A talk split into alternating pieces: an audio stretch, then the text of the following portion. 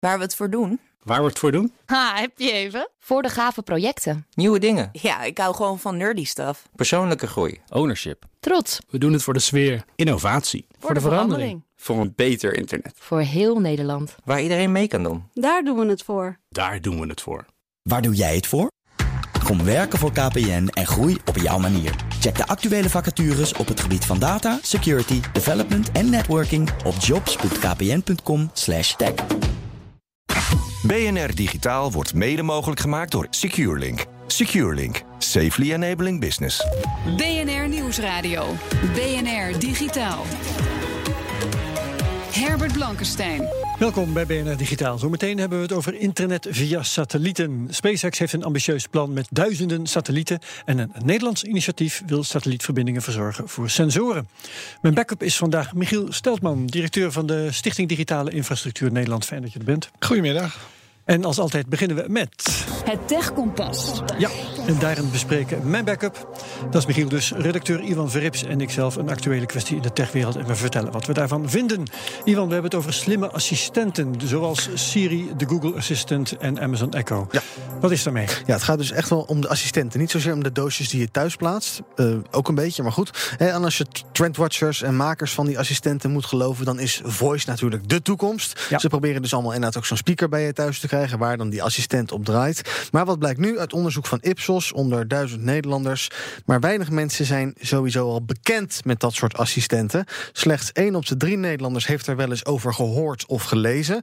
En het gebruik is dan uiteraard nog veel lager. Namelijk slechts één op de tien mensen gebruikt zo'n assistent wel eens. Ja. En als ze hem dan gebruiken, is het bijvoorbeeld om een vraag te stellen aan dat ding. Uh, wat voor weer is het morgen in Nijmegen of zo? Ik zeg maar wat. Maar bijvoorbeeld dingen kopen, hè, wat die fabrikanten graag willen zien. Of je smart home bedienen, je verlichting en je thermostaat. Dat is dus nog vrij zeldzaam allemaal. Ja, waarop een, een voorstander van dit soort dingen zal zeggen... zo ging het ook eerst met mobiele ja, telefoons. Misschien gaat het ook wel zo, maar... En daarvan zeiden we ook, we hoeven niet zo'n ding.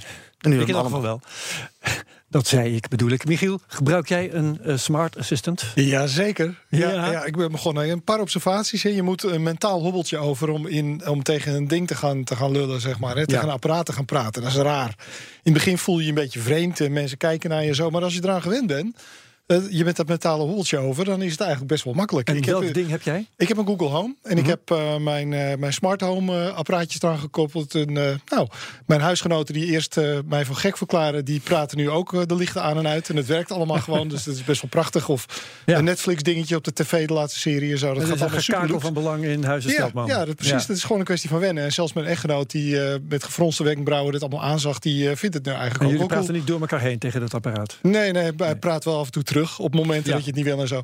Maar een andere observatie, interessant, wat ik las, is dat mensen die dit soort dingen gebruiken, eigenlijk een mentale, eh, een andere hobbel nemen, hun privacy eigenlijk helemaal loslaten. En ik merk dat bij mezelf Dat heb ook, je ook een gedaan. beetje. Ja, zoiets Wat van, maakt nou ja, het verder uit? Wat maakt het uit? Ja, laat ik mijn vertrouwen maar gaan verleggen. Niet Ja. naar de bedrijven, maar naar de overheid en toezichthouders en veiligheid die erop toezien. Maar zo denk Dat je er ook echt over? gebeuren. Of is het meer dat je, dat je vaststelt... dit is de enige optie eigenlijk nog? Ja, ik denk dat het niet zoveel zin meer heeft om, eh, om je te gaan verzetten tegen de aanwezigheid van jouw data ergens. Want het is een kansloze missie. Dat Ivan, is misschien. test deze apparaten wel eens. Ja, eh, Google Home inderdaad, heb ik nu ook thuis staan. En eh, nou, wat mij eigenlijk een beetje tegenvalt, is dat hij toch veel vragen toch niet echt snapt. En het wordt niet echt een echte gesprekspartner. Soms dan kom je thuis van werk en dan zeg ik voor de lol: ehm, Hey Google, ik ben thuis. En dan zegt hij: Oké, en meer niet. En dan denk je: Ja, dat, dat wordt het toch niet helemaal. Eh, en, en Hoe echt- was je dag? Dat, ja, die vraag precies. Dan wil je toch een soort gesprekje soms of zo. komt er nog wel terug. Ja, soms wel. En ehm, wat mij ook een beetje tegenvalt is... hij is nog niet echt slim in de zin van... hij neemt me nog niet echt werk uit de handen. Stel dat ik zou zeggen... eh, boek een restaurant morgenavond. Hè, eh, dat, daar wordt nu al aan gewerkt bij Google. Maar dat gebeurt... of maak een afspraak bij de kapper voor mij morgenmiddag. Kijk zelf maar in mijn agenda wanneer ik kan. Dan zou het misschien echt wat toevoegen. En nu, ja, het licht aan en uitdoen... gaat toch nog steeds wel iets sneller via dat knopje... dan dat ik vraag, doe de licht in de hal uit. Wat dus Dan wel zie werkt. jij jezelf over pak een beetje twee, drie jaar in dezelfde situatie als Michiel. Dat je zegt, I've learned to love it. Eh, ja, ik heb op zich Michiel wel hoog zitten, dus ik vrees dat het wel gaat gebeuren, ja.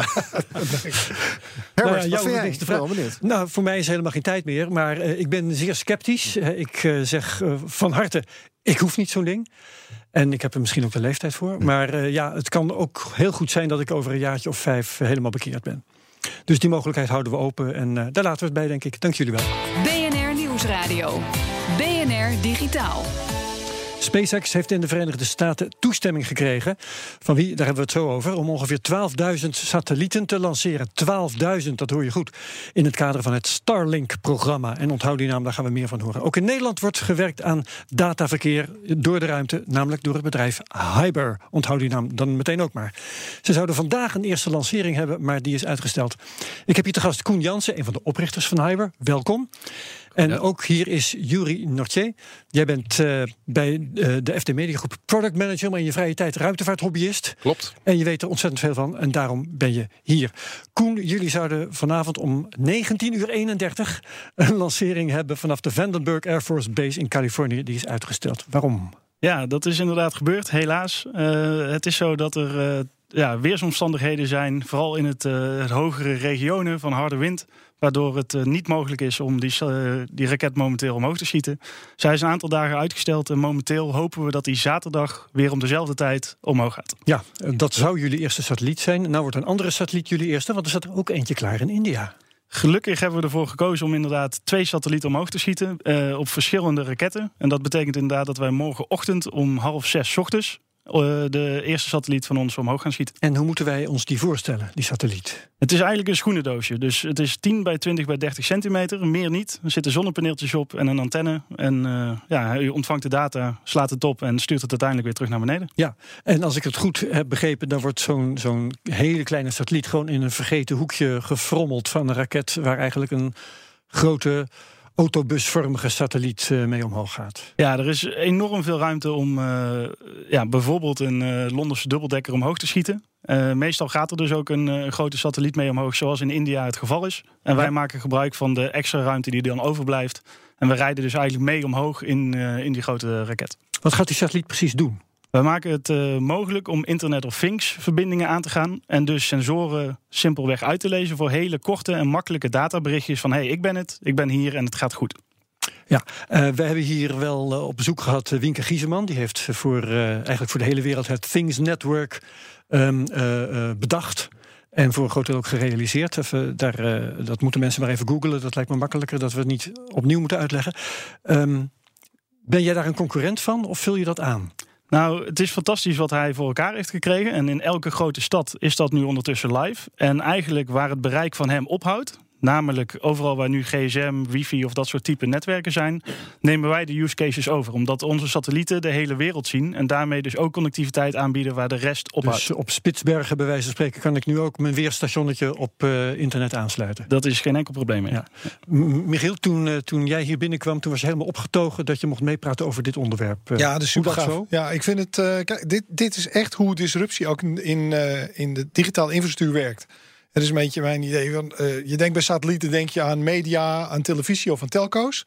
Maar sensorennetwerken, dus, dus low power, kleine pakketjes data met verschrikkelijk grote impact op toepassingen, ja, die hebben ook connectiviteit nodig. En uh, daar voldoen die traditionele oplossingen niet voor. Ik, ja, zo zien jullie dat ook. Hè? Ik denk, ja, dit is gewoon heel disruptief voor communicatienetwerken en voor de mogelijkheid om dit soort netwerken uit te rollen. Ja, het is enorm uniek dat we dit uh, mogelijk hebben gemaakt. En eigenlijk waar GSM maar 10% van de wereld dekt, is het zo dat satellieten de rest kunnen bedekken. Alleen die zijn enorm uh, power inefficiënt. En zijn ontzettend duur. En ja, ons, uh, ons netwerk is dus enorm goedkoop. En de sensoren kunnen vijf tot tien jaar in het veld blijven staan zonder dat de batterij hoeft te worden vervangen. Dus dit is een fantastische oplossing voor iedereen die simpele kleine datapakketjes wil terugsturen. Ja, en uh, je zegt goedkoop, uh, enkele euro's per sensor per jaar, begrijp ik. Ja. Hoe kan dat zo goedkoop als daar dure satellieten bij een rol uh, spelen? Ja, iedereen gaat er altijd vanuit dat de ruimtevaart duur is. En dat klopt over het algemeen ook. Alleen wij hebben een kleine satelliet ontwikkeld die uiteindelijk minder dan een miljoen moet kosten om zowel te maken, te testen als te lanceren. En dat betekent dat met een capaciteit van ongeveer een miljoen berichtjes per dag we met 6 euro per jaar 6 miljoen per jaar kunnen verdienen, terwijl die satelliet drie jaar meegaat. Dus er zit enorme marge in ons businessmodel. Gaat drie jaar mee. Dat vind ik nog best kort eigenlijk voor een satelliet. Ja, hij blijft wat uh, langer in de ruimte hangen. Maar wij hebben gezegd, omdat het allemaal nieuwe technologie is... en wij ook elke keer de nieuwste technologie de ruimte in willen hebben... dat die na drie jaar afgeschreven is. En Juri, ehm, wat zeg jij van deze ontwikkeling als, als volger van, uh, van het hele ruimtevaartgebeuren? Ja, ik ben je enthousiast? ja, zeker, zeker. Want dit zorgt ervoor dat uh, de ruimtevaart veel dichter bij uh, de mensen kan komen. Voorheen was het inderdaad iets wat onderdeel was van overheden of van de grote telecommunicatiebedrijven. Ik vind het ontzettend gaaf om te zien dat hiermee ruimtevaart echt van ons gaat worden. En uh, daarmee ook bereikbaarder wordt voor iedereen. Ja. En Koen Jansen van Hyber, um, hebben jullie al veel aanvragen van dit soort abonnementen? Ja, wij lopen momenteel helemaal over. Dus we zijn ontzettend blij dat we weinig aan marketing hoeven te doen om uh, onze pijplijn te vullen. Uh, maar de, de, ja, de behoefte aan onze datapijp is zo enorm dat overal in de wereld, we hebben nu klanten op elk continent, in elke oceaan. we lopen helemaal over in dat opzicht. En hoeveel van dit soort satellieten gaan er omhoog uiteindelijk? Nou, we beginnen dit jaar dus met twee, hopelijk deze week allebei. En vervolgens zullen we richting de 50 satellieten gaan om uh, wereldwijd een netwerk te hebben van eens per dag, vervolgens eens per uur en vervolgens elke 15 minuten om het mogelijk te maken om die sensoren uit te lezen. Elke 15 minuten dat er zo'n satelliet overkomt. Ja, precies. SpaceX wil connectiviteit via de ruimte naar een heel nieuw niveau brengen. Door de komende tijd maar liefst 12.000, je hoort het goed, 12.000 satellieten te lanceren. En hoe dat zit, hoor je zo. Nieuwsradio. BNR Digitaal. Deze BNR Digitaal staat in het teken van satellietinternet. Het Nederlandse bedrijf Hyber wil sensoren data laten versturen via satellieten. Maar SpaceX gaat nog een stapje verder. Zij willen op termijn betaalbaar breedbandinternet gaan aanbieden. En daarvoor gaan de komende tijd 12.000 satellieten omhoog. Ik praat over met Koen Jansen, een van de oprichters van ruimtevaartbedrijf Hyber. Hij is daar nu CFO. Ruimtevaartdeskundige Juri Norzee. En mijn backup is vandaag Michiel Steltman. SpaceX heeft dus in de Verenigde Staten nu toestemming gekregen van de Federal Communication Commission om die 12.000 breedbandsatellieten omhoog te sturen. Dat zijn er meer satellieten dan er nu in totaal rondzweven. Jury, kan dat eigenlijk wel? Is daar plaats voor? Nou, het wordt wel dringen in de baan om de aarde waarin deze satellieten gaan komen. En ze zijn komen. niet de enige. Klopt, want uh, naast SpaceX zijn er ook nog een heel veel andere bedrijven die uh, ook dit soort plannen hebben voor een uh, wereldwijde dekking van de internetsatellieten. Je moet bijvoorbeeld denken aan Telesat, een van de grotere Canadese telecommunicatiebedrijven. Maar ook Samsung heeft een paar jaar geleden een plan naar buiten gebracht om 4200 satellieten in de lucht te lanceren. Um, er is bijvoorbeeld Kepler Communications uh, uit de Verenigde Staten... die ook met een plan bezig zijn. En ja. zelfs tot in China uh, zijn er plannen voor dit soort uh, Mijn netwerken. Kijk in de, op zomeravonden wel eens omhoog... van zou er een satelliet overkomen. Dus binnenkort niet meer wachten hè, daarop. Nee, binnenkort wordt het één groot schouwspel. Is het nou zo dat je, dat je kunt wachten erop dat ze tegen elkaar aanknallen? Nou, het is natuurlijk in het verleden wel eens gebeurd. Volgens mij in 2009 zijn er twee ook wat kleinere communicatiesatellieten. Eentje een oude Russische die niet meer werkte... en een Iridium communicatiesatelliet. Mm zijn in 2009 tegen elkaar aangeknald. En dat heeft voor een enorme hoeveelheid aan uh, ruimteafval uh, gezorgd. Ja. Uh, dat blijft natuurlijk altijd wel een risico. Zeker als het in low Earth orbit, de lage baan waarin deze satellieten komen... echt heel druk gaat worden. Ja, Michiel, het gaat om breedbandinternet via de satelliet. Is daar een markt voor? Voor wie is dat een interessante optie? Nou, het is niet, het is niet echt breedband hè, via satelliet. Want het, dit gaat om lagere frequentiespectrums. Er is uh, bij breedband dan denk je aan een hoge uh, throughput. En, uh, en ook in de hogere frequenties, 36, 36 60 gigahertz, dat line of sight. Ja, daar zie je nog steeds. De, dan heb je weer grote apparaten en antennes nodig zo heel gedoe. Mm -hmm. Dus uh, het is nog, dus praktisch zitten er best wel een hoop haken en ogen om voor elkaar te krijgen. Breedte, weet jij dat? Nou, hier uh, begrijp ik uh, dat het gaat om LoRa, dus kleine nee, dat, dat, is, dat is Hyber, maar het aanbod ja, van nee, SpaceX, SpaceX. Dat wordt voor nou, daar wordt wel gekeken naar 5G-achtige oplossingen. Ja. En ik ben heel benieuwd, want er zijn heel veel satellieten voor nodig... met heel veel uh, power en hele grote zonnepanelen... om het vermogen wat je daarbij nodig hebt... om een hoop telefoons rechtstreeks te bereiken, om dat te kunnen. Ja. Dus ik ben erg benieuwd hoe dit uitpakt. En ja, ik denk... Wat ik heb gehoord is dat ze willen beginnen in eerste instantie... met uh, snelheden tot 100 megabits per seconde. Maar zodra het netwerk natuurlijk verder wordt uitgebreid... dat ze ook tot 1 gigabyte uh, per seconde En wat wordt daar de prijs van, weet je dat, Jury? Nee, de prijs daarvan, dat weten we nog niet. we hebben wel een inkijkje gekregen gekregen in wat SpaceX aan verwachtingen heeft qua omzet hiervoor. Ja.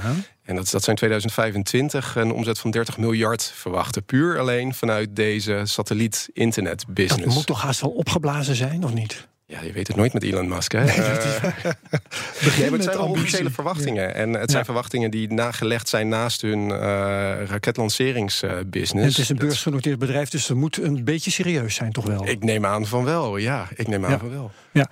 Um, gaat dit nou ruimte, uh, het, het gevaar op ruimteafval serieus vergroten? Of Zeg jij dat dit kan wel, dit past wel, die duizenden satellieten die erbij komen? Nou, de ruimte is natuurlijk ontzettend groot. En het zijn niet 12.000 satellieten die allemaal in exact dezelfde baan om de aarde zitten. Uh, SpaceX heeft ervoor gekozen om uh, verschillende banen om de aarde uh, te gebruiken. Dus dat loopt van 500 kilometer tot aan 1000 kilometer in, de, in, de, in, de, in de ruimte. Um, maar het worden wel heel veel satellieten. En ja. Het wordt allemaal gemonitord, uh, wat er gebeurt boven in de ruimte. Uh, maar het risico wordt natuurlijk wel groter. Ja, en, en als er botsingen worden voorzien, hè, er zijn bureaus die dat in de gaten houden, dan kan ook wel ietsje worden bijgestuurd. Hè, dus er er iets aan vermijden. Ja, elke satelliet heeft de mogelijkheid om een klein beetje bij te sturen ja. om een botsing te voorkomen. Koen Jansen van Hyber, uh, wordt dit concurrentie voor jullie of opereren jullie in totaal gescheiden markten? Ja, wij zien dit totaal niet als concurrentie. zoals al was aangegeven. Um, wij zitten aan een hele lage energieverbruik, terwijl deze jongens uh, nog steeds stroom nodig hebben van, uh, van hun eigen netwerk. Uh, niet alleen op de satellieten, maar ook op de grond hebben ze draaiende antennes nodig om met die satellieten te kunnen blijven praten. Dat is een zeer dure exercitie. Dus wat ze uiteindelijk doen, is eigenlijk concurreren met de, de kabels die er nu al liggen. En dan in gebieden waar die kabels momenteel nog niet zijn. Dus het feit dat de FCC in Amerika toegang geeft tot die markt, betekent dat ze hè, 300 miljoen mensen ongeveer kunnen gaan connecteren. Waar momenteel die kabels nog niet liggen. Ik ben en erg in in twijfel. Amerika is dat op veel plaatsen het geval, hè? Ja, ja. dat klopt. Ja. Oké, okay. Koen Jansen van Hyber, ik hoop uh, dat jullie een voorspoedige lancering hebben in uh, India. En Merci. ook die in de Verenigde Staten, dat dat ook binnenkort uh, alsnog gebeurt. BNR-collega ruimtevaartdeskundige Juri Nortje, ook heel hartelijk bedankt. Dank. BNR Nieuwsradio. Herbert Blankenstein. Ontstaat steeds meer weerstand tegen Project Dragonfly. Dat is dat initiatief van Google om een gecensureerde zoekmachine in China te lanceren. Meer dan 100 Google-medewerkers hebben recent een open brief ondertekend. En redacteur Ivan Verrip zag een bijzonder vacaturefilmpje. Oh, hey there. Ever dreamed of working at Google? Is the Pope Catholic? I mean, free food, dogs at work, surprise visits from Ryan Reynolds. Well, now's your chance to join Team Project Dragonfly, working closely with our CEO, Sundar Pichai. Je begrijpt al, dit filmpje komt niet van Google, maar van Amnesty International. Zij hebben zich ook fel tegen dit project gekeerd, onder andere met een petitie, met demonstraties en dus dit satirische filmpje. We'll be helping the Chinese government spy on more than a billion people while also censoring out blacklisted websites, forbidden search terms and, you know, public opinion on the internet. Maar de CEO van Google, Sundar Pichai, staat nog steeds achter dit project, zei hij vorige maand bij de Wired 25 Summit in San Francisco. The reason we did the internal project was to completely, it's been many years we've been out of the market. It's, it's a wonderful, innovative market. We wanted to learn what it would look like if Google were in China. You know, what queries will we be able to serve? It turns out we'll be able to serve well over 99% of the queries. And there are many, many areas where we would provide information better than what's available. Maar Amnesty is niet overtuigd. Amnesty's Joe Westby zei tegen The Intercept dat Google zou moeten vechten voor een internet waar informatie vrij beschikbaar is voor iedereen en niet voor het dystopische alternatief dat de Chinese overheid graag ziet. I know what you're thinking, but I can't speak Chinese. No problem. Don't know anything about Tiananmen Square? I mean, who cares? Most Chinese kids don't know anything about the violent 89 crackdown either. Or any other human rights abuses by the government for that matter. And Project Dragonfly aims to keep it that way. En Amnesty krijgt bijval van niet de minste, in dit geval bijvoorbeeld de Amerikaanse vicepresident Mike Pence. More business leaders are thinking beyond the next quarter and thinking twice before diving in to the Chinese market if it means turning over their intellectual property or abetting Beijing's oppression. But more must follow suit. For example, Google should immediately end development of the Dragonfly app that will strengthen the Communist Party's censorship and compromise the privacy of Chinese customers. na deze berichten nog steeds bij Google werken aan Project Dragonfly? This job will make your career. Just ask other Googlers what they think, and I'm sure they give you a glowing review. To apply, you'll need great coding skills, five years experience, and have absolutely no morals and be happy giving up people's personal data. Easy. Google. Don't be evil, except when it's profitable. Ja, ladingen ironie in het filmpje van Amnesty International. En na deze uitzending staat het op bnr.nl slash digitaal. Michiel, um, moet uh, een bedrijf, een groot internetbedrijf, een politieke keuze maken? Of moet je zeggen, uh, die uh, um, projecten voor de Chinese regering vinden toch wel plaats, laten wij ze maar doen en er geld aan verdienen? Ja, dit zijn ultieme politieke vragen die we van de fysieke wereld natuurlijk heel goed kennen. Ik hoor Mike ja. Pence ook zeggen, hij heeft geen enkele scrupules om wapens aan uh, andere regimes te leveren. Dus ik vind het nogal hypocriet. Google vecht wel degelijk voor een open en vrij uh, en veilig internet. Je kunt niet zeggen dat met het maken van deze keuzes een hele koers hebben gewend. Dus ik denk er genuanceerd over. Het is een politieke vraag. Michiel Steltman van de Digitale Infrastructuur in Nederland, dank wel voor je aanwezigheid. Uh, we horen graag wat je van het programma vindt. Vind je het bijvoorbeeld interessant als we het over ruimtevaart hebben, of helemaal niet? Dat kan allemaal naar digitaal.bnr.nl of naar @bnrtech op Twitter. Luister ook eens naar de podcast De Technoloog. Vanaf morgen een nieuwe aflevering over de alternatieven voor Google en Android. BNR Digitaal terugluisteren kan via de site, de app iTunes of Spotify. Wat ons betreft heel graag tot volgende week. BNR Digitaal wordt mede mogelijk gemaakt door SecureLink. SecureLink. Safely enabling business. Ook Hugo Reitsma vind je in de BNR-app. Superhandig die BNR-app. Je kunt alle programma's live luisteren, breaking nieuwsmeldingen. Je blijft op de hoogte van het laatste zakelijke nieuws. En je vindt er alle BNR-podcasts, waaronder natuurlijk de belangrijkste, Boeken zijn in de wijk. Download nu de gratis BNR-app en blijf scherp.